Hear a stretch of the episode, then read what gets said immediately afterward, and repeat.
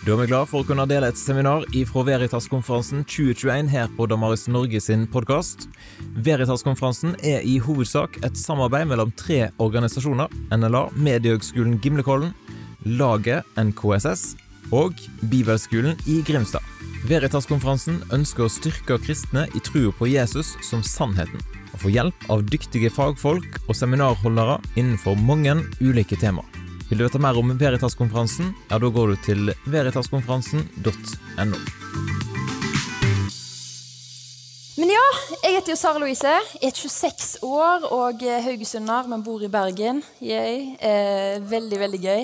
I dag ble jeg henta på flyplassen av to vakre menn i dress og crocs. Eh, jeg vet ikke hvor dere er, eh, Simon og Johannes, men eh, det var en ære. Stor ære. Eh, jeg følte meg veldig velkommen her på Big. Jeg er veldig lite kjent på Sørlandet. Eh, men det er jo så utrolig fint her. Jeg ble helt, og I Bergen det regner og regner og regner. Og i dag var det snø på Ulrikken da jeg våkna. Eh, mens her er det jo liksom fortsatt vår, eh, føles det ut som. Så det er veldig gøy.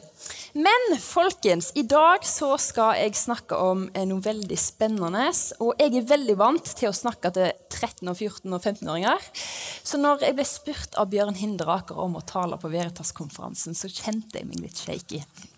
Her er det jo liksom folk som faktisk kan ting. Eh, og eh, det gjorde meg litt nervøs, eh, for tenkte jeg eh, De forstår hvis jeg sier noe feil! Og så jeg eh, har bare liksom Jeg har jo veldig stor respekt for Guds ord, og jeg ønsker jo ikke drive i, i identitetsbyggelse og drive med feilinformasjon om hvem Gud er, og hvem du er i Han. Så jeg tar dette med den største respekt og den største ære. Og om du syns det var helt forferdelig det jeg har sagt i dag, så ber jeg om tilgivelse på forhånd. Så håper jeg at Gud er nådig med meg. Um, men i dag skal jeg snakke om identitet. Og det er en overskrift som jeg har jo hørt litt om i min oppvekst, og typisk på ungdomsmøte og kanskje på liksom sisterhood-stemning. Så er det liksom du er Guds prinsesse og prins, og, og si, se deg sjøl i speilet og si at du er vakker. Uh, og det er liksom kanskje litt av det jeg har, den erfaringen jeg har med det temaet. men det er så langt ifra det som jeg tror liksom, dybdene i den identiteten vi kan få i Gud. Det er så utrolig stort og mye mer. Og Hvis du har med deg en bibel, så kan du få lov til å slå opp i Kolosserne kapittel 3. Og Det kommer òg på skjermen her. Det er et kapittel vi skal lese masse eh, i, denne helgen her. Skal vi se Hvor var det? Der, vet du. Kolosserne 3. Og der står det Er dere da reist opp med Kristus, og søk det som er der oppe, hvor Kristus sitter ved Guds høyre hånd. La sinnet være vendt mot det som er der oppe, ikke mot det som er i verden og på jorden. Dere er jo døde, og deres liv er skjult med Kristus i Gud. Men når Kristus, deres liv, åpenbarer seg, da skal også dere bli åpenbart i herlighet sammen med ham. I filmen Memento så møter vi en fyr som heter Leonard Shelby. Som prøver å finne morderen som drepte kona hans. Og Det som kompliserer hele denne leteprosessen, er at Leonard lider av hukommelsestap som en følge av et slag i hodet av morderen. Derfor så sliter han med å huske og holde på en måte regnskap med hva som skjer. og Han husker lenger ikke hvem han er. Og Han lager et komplisert system med Post-It-lapper og bilder og tatoveringer over hele kroppen for å huske viktig faktainformasjon som kan hjelpe han å finne kona sin morder og utøve hevn.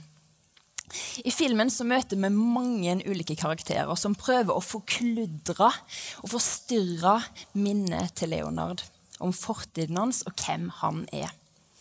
Og Filmen handler derfor dypest sett om identitet og om sannhet. Og Spørsmålet melder seg i bakhodet eh, til seeren. Er fremstillingen av Leonard vi møter i filmen den faktiske versjonen av hvem han er? I en viktig scene i filmen så møter vi Teddy, en av Leonard sine dårlige venner, som sier til han Du vet ikke hvem du er lenger. Selvfølgelig vet jeg det, svarer Leonard. Jeg er Leonard Shelby fra San Francisco. Nei, det var hvem du var, svarer Teddy. Kanskje det er på tide at du begynner å undersøke deg sjøl om hvem du virkelig er. Og utover i filmen så ser vi at Leonard er på en identitetsreise. Alle de spørsmålene han stiller seg sjøl om hvem han egentlig er, og identiteten hans begynner å bygge seg opp. Dette fører han til en identitetskrise som får fatale konsekvenser for filmens avslutning. Fordi han ikke lenger husker hvem han virkelig er. Hva er løgn, og hva er sannhet? Hva får plass i din identitetsdannelse? Som kristne så tror jeg vi ofte er som Leonard. Vi har en diagnose, og vi glemmer hele tiden ut hvem vi egentlig er i Kristus. Som fyller tomrommet. Og vi fyller tomrommet og bygger det med alt mulig annet. Og vi må spørre oss sjøl, som Leonard gjør i filmen. Hvem er jeg sånn egentlig? Hvordan vi ser på oss sjøl, er identiteten vår. Kulturen vi er en del av, snakker om identitet som selvbilde, selvtillit og selvfølelse. Denne verdens mest fundamentale problem er at vi ikke forstår lenger hvem vi egentlig er. Guds barn. Vi er skapt i Guds bilde. Og istedenfor definerer vi oss ut fra alt mulig annet enn Jesus. Så mitt håp for disse minuttene her er at med hjelp av Bibelen og Den hellige ånd og Guds nåde, at vi skal få lov til å dykke litt ned i kapittel 3 i Kolosserne og prøve å finne fram hvem er det vi egentlig er, hvem er det vi er skapt til å være. La oss be. Kjære gode Jesus, takk for det du har gjort for oss på korset, Herre. Jeg ber om at Din hellige ånd snakker gjennom meg, Jesus. Åpne hjertene våre for hva du ønsker å si. Jeg bare ber om at eh, du hjelper oss, Herre, eh, i vår vantro. Jeg ber deg virkelig for at du åpner teksten for oss, Herre. Vis oss noe som vi ennå ikke har forstått, Herre. La oss bli enda bedre kjent med deg og hvem vi er i deg, Jesus. Jeg legger alt i dine hender. Hjelp oss å åpne hjertene våre, Jesus. I Jesu Kristi navn. Amen. Nå skal jeg finne fram den der klikkegreia. Eh, sånn. OK.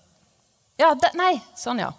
Jeg har talt, kalt talen 'Vår første identitetskrise'. Syns det var litt kul tittel. Eh, I første Mosebok kan vi lese om at Gud skaper himmelen og jorden. Og som kronen på verket så skapte han mennesket. Og han så at det var overmåte godt. Og Gud skapte mennesket i sitt bilde. I Guds bilde skapte han dem som mann og kvinne. skapte han dem. I første Mosebok kapittel 1, 27 står det. Vi er Guds bilde. Vi er speilbilde, vi er avbilde av hvem han er.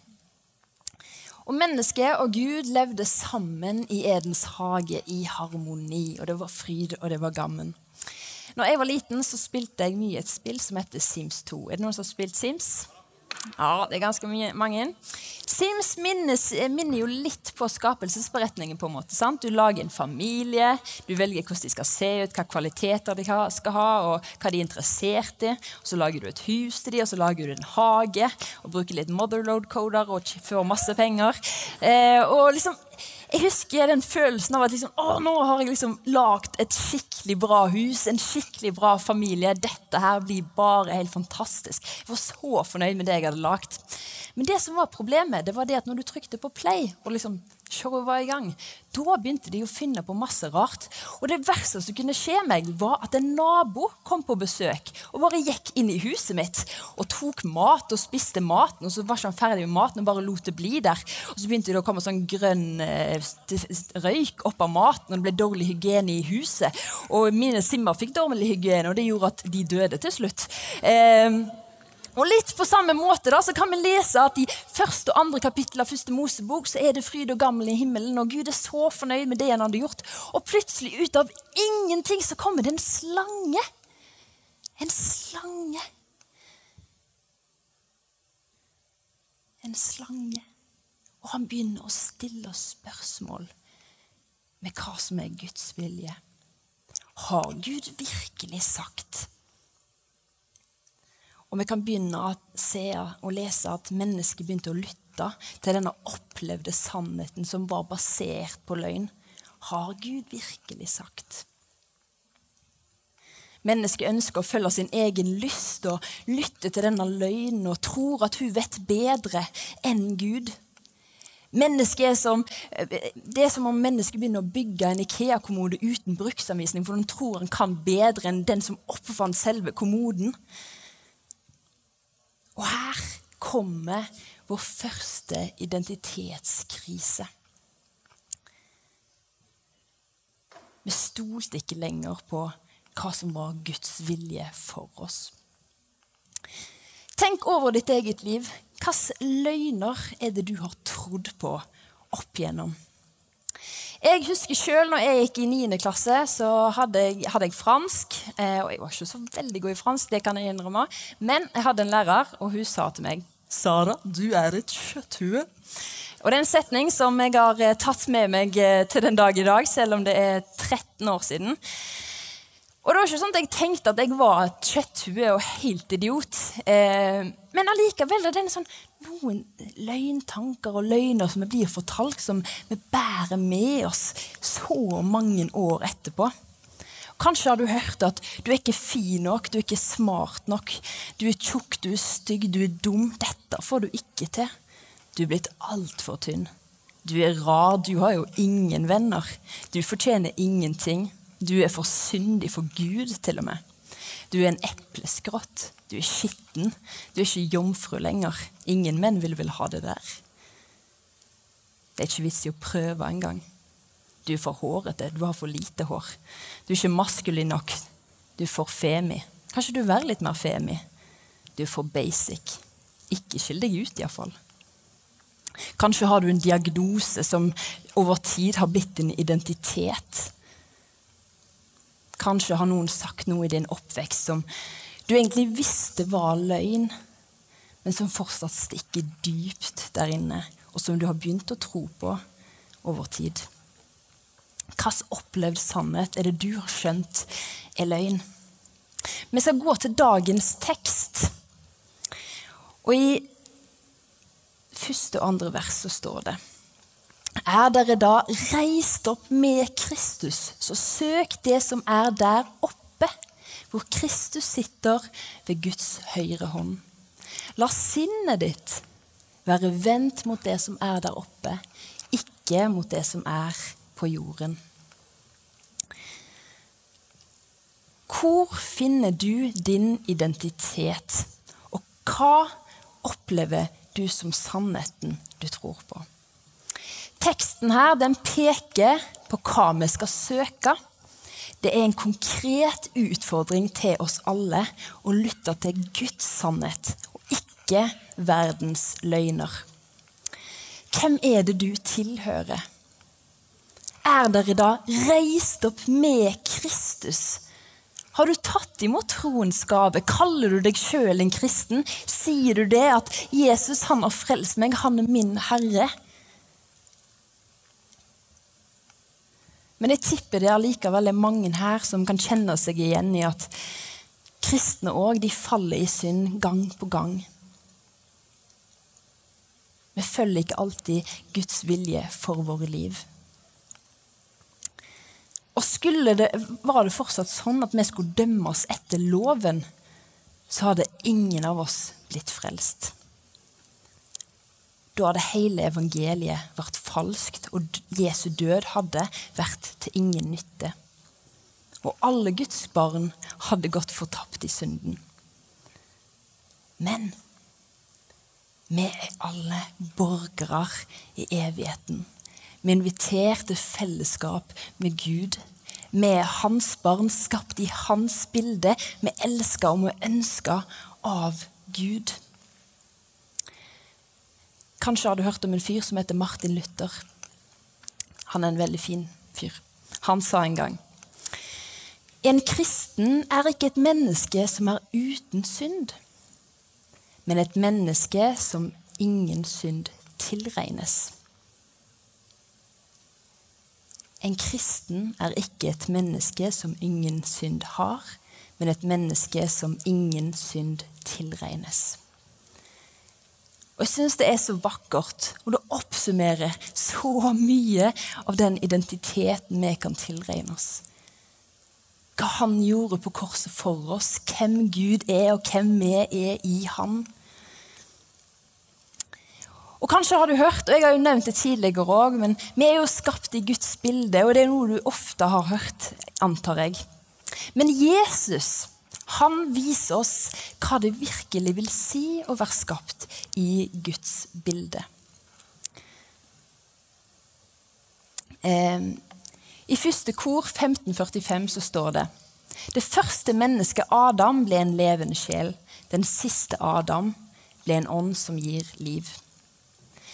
I Bibelen så kaller Paulus Jesus for den siste Adam fordi han er løsningen på avgudsdyrkelsen. Han er gjenopprettelsen av menneskeheten. Den første Adam var kilden til avgudsdyrkelsen og til menneskets fall. Den første Adam vendte seg vekk fra far i hagen.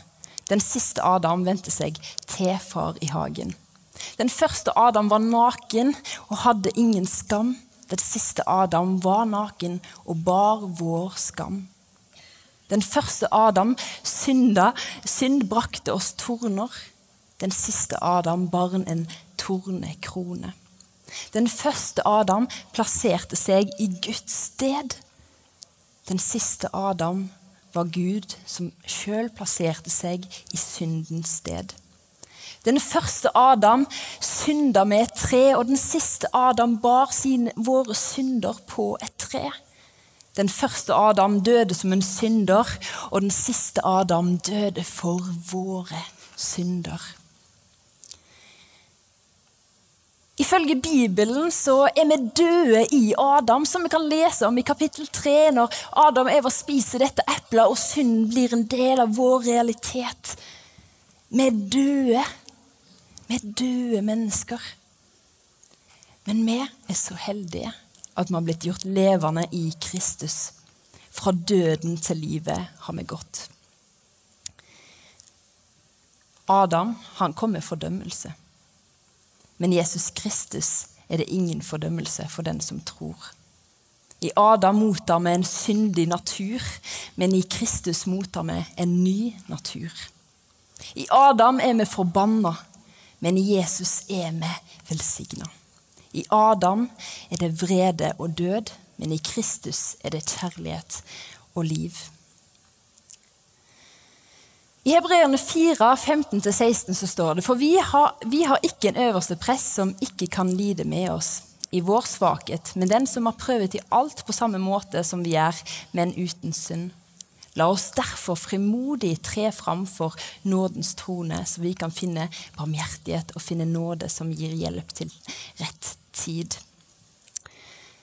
Hvem er du først og fremst, og hvordan skal vi takle dette kristenlivet? La sinnet være vendt mot det som er der oppe, og ikke det som er på jorden. Dere er jo døde, og deres liv er skjult med Kristus. Det å være kristen er ikke alltid så lett, fordi vi bor i en syndig verden der vi blir påvirka av alt mulig rart. Og jeg tror det ofte er to grøfter som vi som mennesker og som kristne kan havne i. Den ene der det er lovisk, og vi skal klare det sjøl, og vi bommer virkelig på målet. Vi kan ikke klare dette sjøl, og så begynner vi å skamme oss og syns dette blir bare mer og mer vanskelig. Og vi kommer til kort. Den andre grøften som jeg tror at veldig mange i den vestlige verden eh, opplever, er en, en grøft eh, som jeg tror kan være en, en, et resultat eh, over generasjoner der vi er egosentriske og tenker at vi skal klare det sjøl. Vi er vår egen Gud.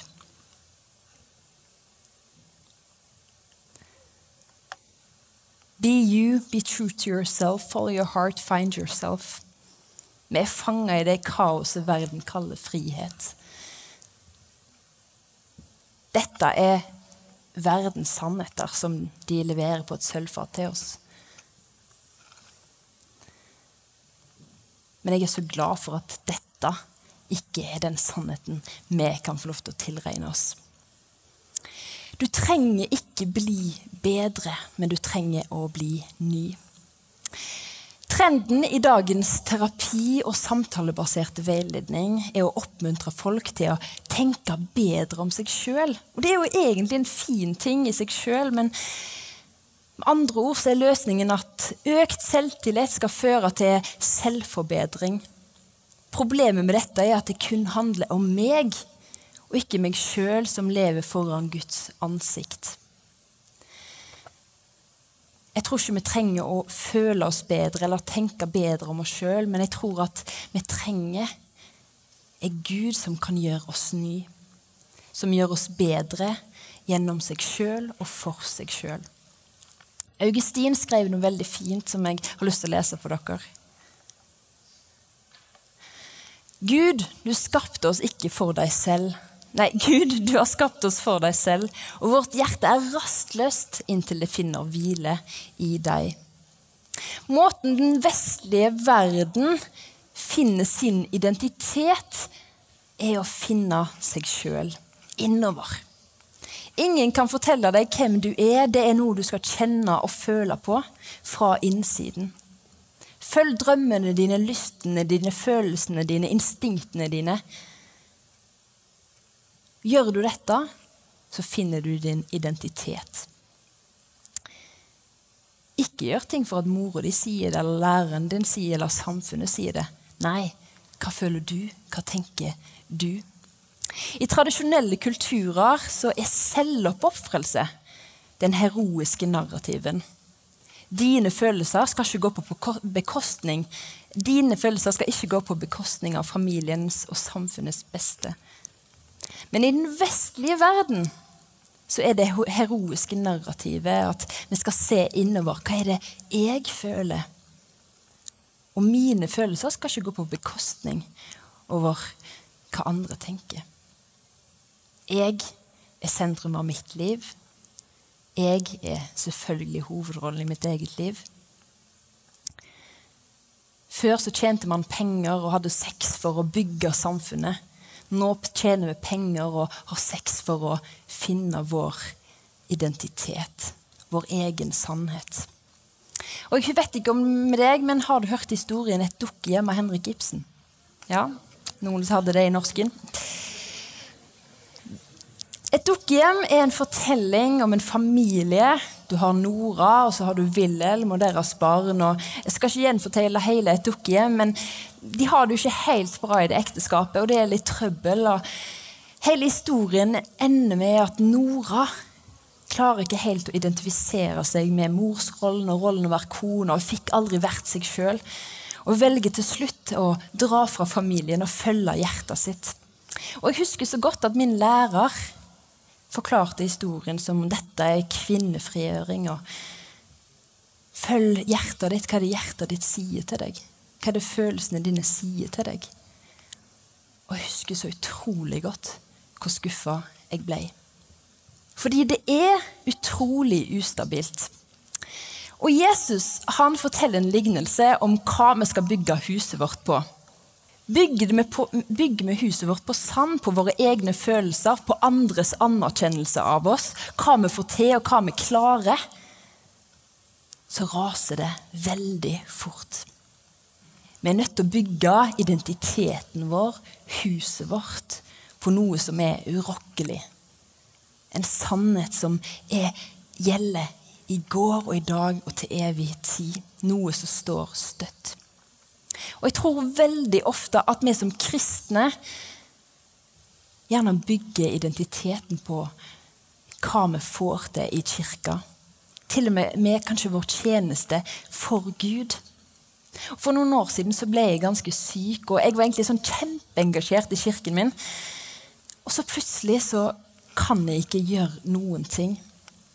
Og jeg husker det shaka virkelig mye med, med, min identitet. For jeg hadde jo gjort så mye og tjent Gud og vært snill og vært en god kristen så mange år. Og plutselig fikk jeg ikke til noe av det. Og i denne perioden så ransakte Gud hjertet mitt. Og jeg ble minnet på at det handler veldig lite om hva jeg gjør, og hva jeg får til. Og at det handler alt om hva han gjorde og har gjort for meg. Og jeg fikk lov til å ligge der og bare være Guds barn. Ofte er vår største fiende oss sjøl og tankene våre. Og livet er hardt, men det er nettopp derfor Jesus sendte Den hellige ånd. For han visste at vi trenger en trøster, en som er der. Og Den hellige ånd flytta inn der ingen skulle tro at noen kunne bo, nettopp i oss. Og jeg syns det er så fint og vakkert at han kan få lov til å forme meg. Han kan få lov til å minne meg på hva som er Guds sannhet. Men jeg er nødt til å gi han rom. Jeg pleier å bruke en eh, lignelse som jeg har funnet på helt sjøl, men selvfølgelig med hjelp av Gud. Men det at Den hellige ånd er litt som en tannregulering. Er noen som har tannreguleringer? Ja, iallfall noen. Veldig gøy. Tannregulering funker jo litt sånn at du tar en tannregulering på deg, og så skal liksom tennene dine bli fine over tid. Tar du tannregulering av deg med en gang, så vil du ikke se stor forskjell. Men over tid så vil tennene dine bli forma. Noen ganger må du til og med trekke noen tenner for at det skal bli sunnhet i munnen din.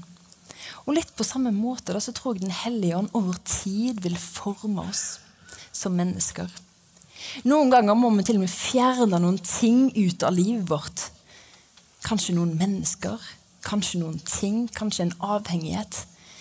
Men jeg er så glad for at det er noe vi slipper å gjøre alene. Det er ikke et krav fra Gud når han sier jeg er med deg gjennom hele prosessen.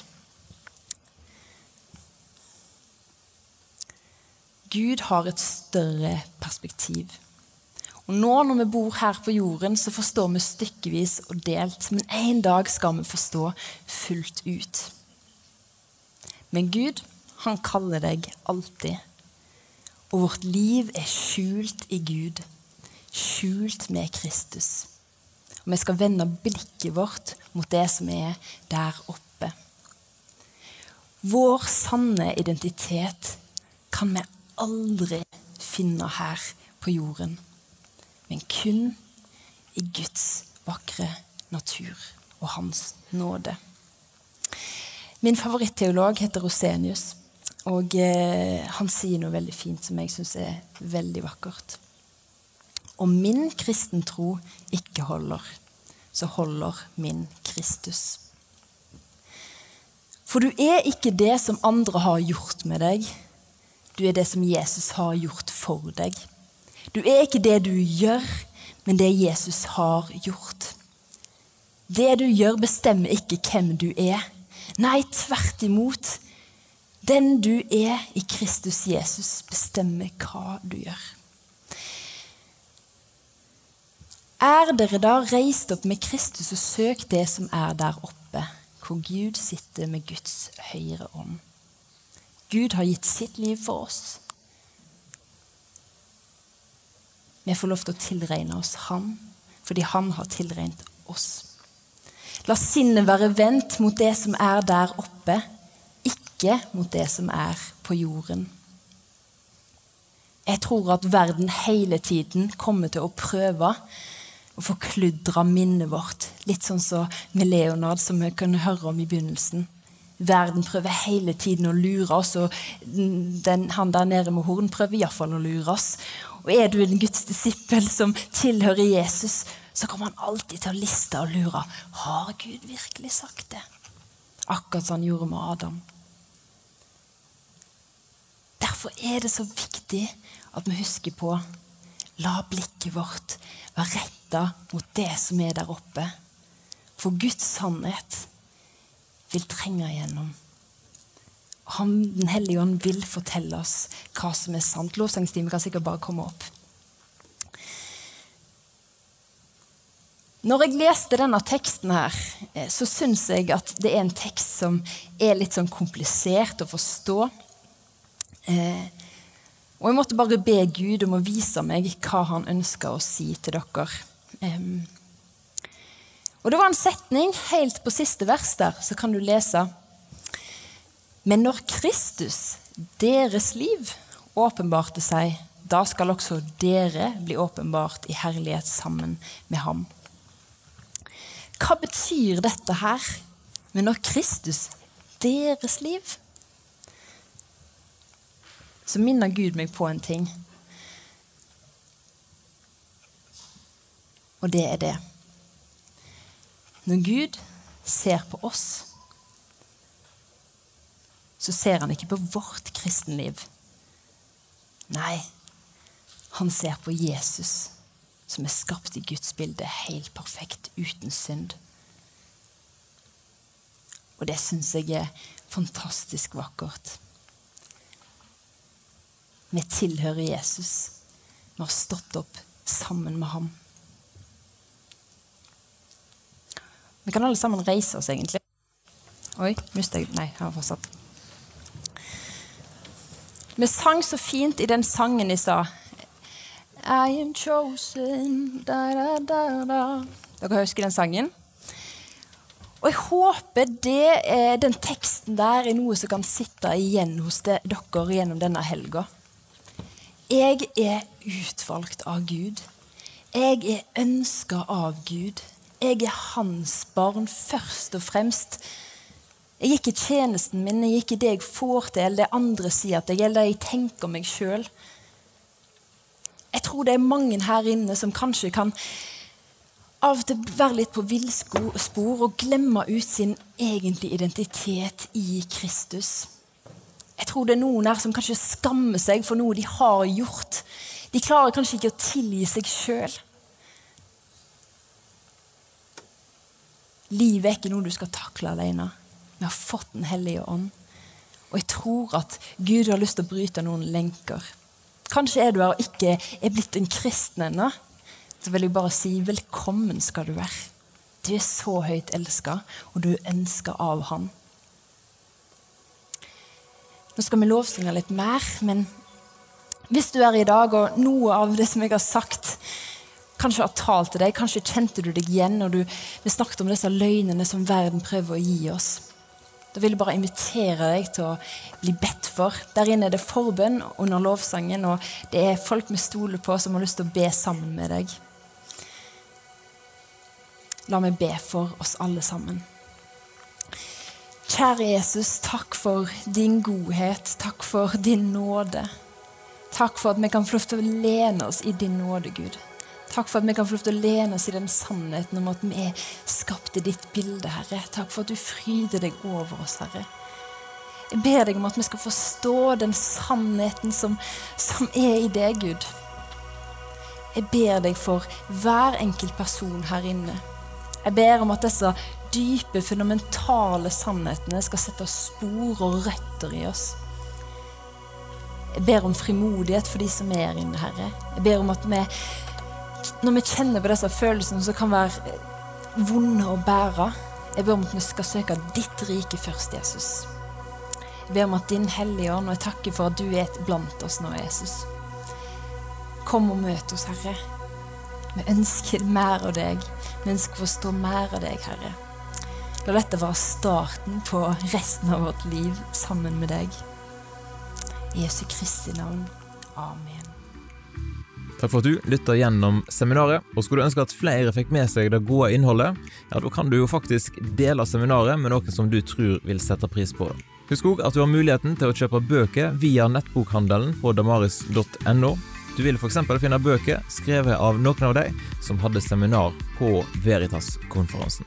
Så sjekk ut damaris.no for å kjøpe noen gode bøker. Da ønsker jeg deg en fin dag, og så kommer det snart nye seminar ut på podkasten vår.